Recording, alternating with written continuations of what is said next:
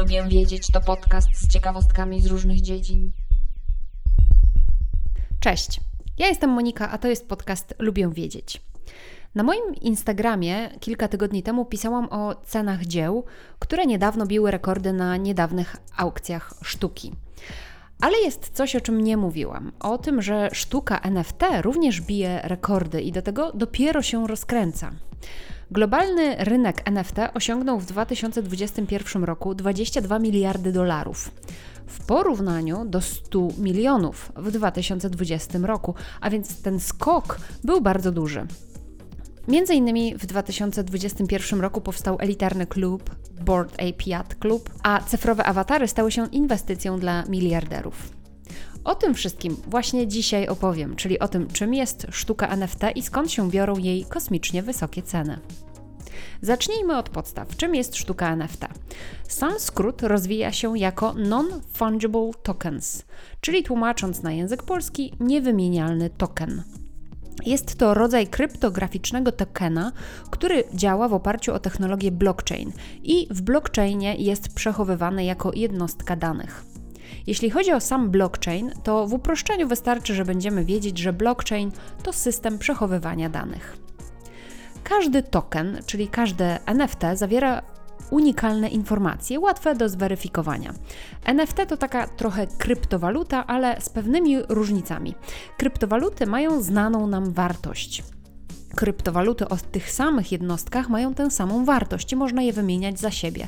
A NFT to tokeny, które nie mają jednej konkretnej wartości, są unikatowe i chociaż mogą zmieniać właścicieli, to ich cena zależy od swego rodzaju widzimisię. Jeśli porównać to z naszym rzeczywistym światem, to kryptowaluty to pieniądze, a NFT to przedmioty. Bardzo różne przedmioty: obrazy, stół, krzesło, ubranie.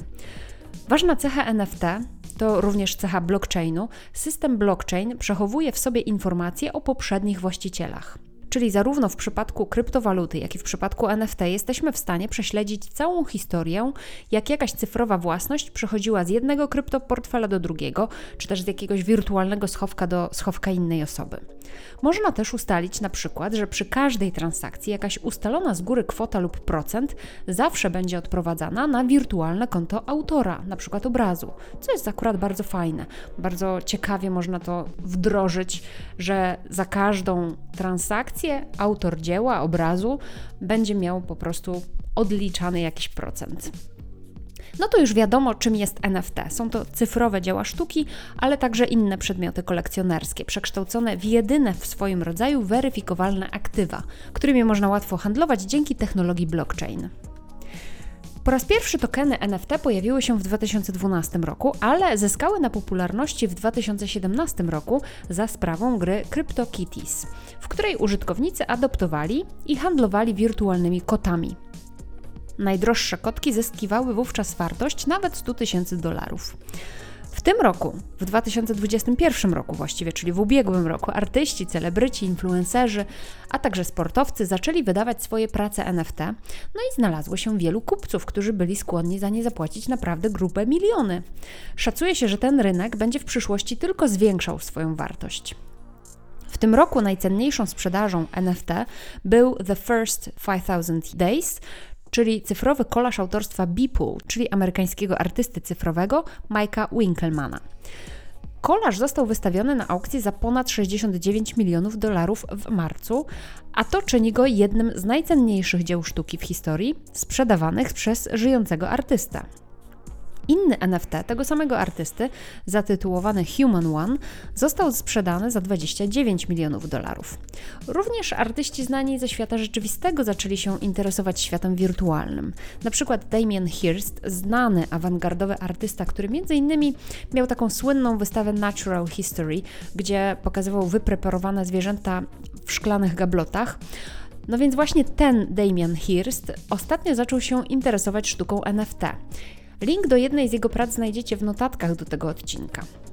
Inne, warte wiele milionów dolarów NFT to na przykład wspomniany na samym początku odcinka Board Ape Yacht Club, czyli swego rodzaju zbiór 10 tysięcy NFT przedstawionych jako kreskówkowe małpy, używane jako zdjęcia profilowe na kontach w różnych mediach społecznościowych.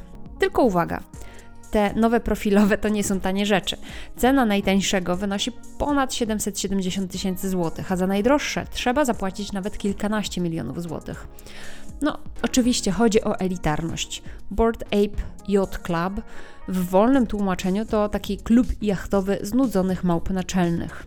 No ale czym są znudzone? Ano tym, że mają tyle kasy, że po prostu nie wiedzą na co ją wydawać, więc wydają na wirtualne przedmioty. Do klubu należą więc milionerzy, gwiazdy filmowe, telewizyjne, muzyczne, sportowe, chociażby Jimmy Fallon, Post Malone. Ale NFT to nie tylko kolekcjonerski drobiazg dla bogaczy, to też ciekawy rynek dla różnych marek. Duże marki inwestują w NFT, ponieważ cyfrowy świat to przyszłość. Wiele osób już teraz spędza wiele czasu w świecie gier i raczej będzie to tendencja zwyżkowa. Tym bardziej w obliczu ubiegłorocznego ogłoszenia Facebooka o rozpoczęciu prac nad Metaverse, czyli nad światem cyfrowym. Na przykład członek klubu Board Ape Yacht, um, Steven Curry, taki znany koszykarz NBA, wypuścił razem z firmą Under Armour kolekcję prawie 3000 NFT, które były cyfrowymi wersjami butów, które właśnie ten Steven Curry nosił podczas meczu, w którym pobił rekord trzech punktów. Te buty NFT były wycenione na 333 dolary za parę i szybko zostały wyprzedane. Ten drop NFT uprawnia kupujących do noszenia butów na trzech wirtualnych platformach: Gala Games, The Sandbox i Decentraland. Również firmy takie jak Taco Bell, Pizza Hut, Pringles wychodzą z własnymi NFT. Nawet Visa kupiła w tym roku NFT za 150 tysięcy dolarów, a Adidas rozbił kolejne 156 tysięcy dolarów na cyfrowe dzieło sztuki. Warto wspomnieć, że także w Polsce odbyły się w 2021 roku pierwsze aukcje, w których na sprzedaż wystawiono dzieła NFT. NFT, na przykład rzeźby Tomasza Górnickiego pod tytułem Fortune, zostało wylicytowane za ponad 300 tysięcy złotych. Nabyła go kolekcjonerka z Poznania, która będzie uczestniczyła w przekazaniu oryginalnej rzeźby w tej fizycznej formie do Muzeum Śląskiego w Katowicach. 1 grudnia odbyła się na przykład aukcja pracy Zbigniewa Libery, Lego obóz koncentracyjny, wykrojnik opakowania przedstawiający nadzorców. No i ta praca została zrobiona zaledwie w 10 egzemplarzach i została wylicytowana za 174 tysiące złotych. 2 grudnia z kolei Desa Unicum wystawiła NFT do obrazu Dlaczego jest raczej coś niż nic autorstwa Pawła Kowalewskiego.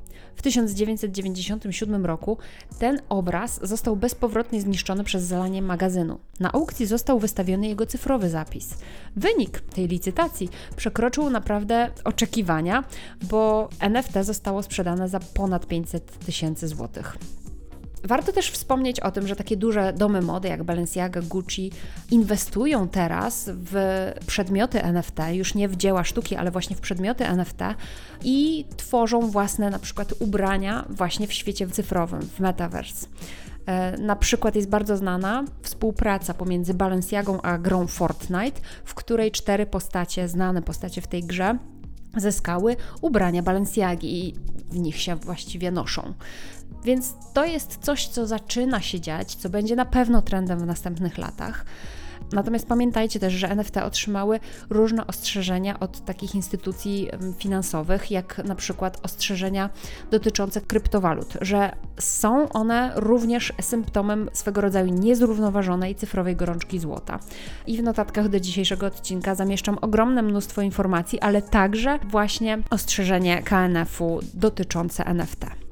Dziękuję za wysłuchanie dzisiejszego odcinka podcastu. Zachęcam do subskrypcji, do zajrzenia do notatek odcinka, w których znajdziecie naprawdę linki do ogromnej ilości ciekawych informacji na temat NFT, do fajnych przedstawień, właśnie jak wyglądają różnego rodzaju dzieła sztuki w postaci cyfrowej.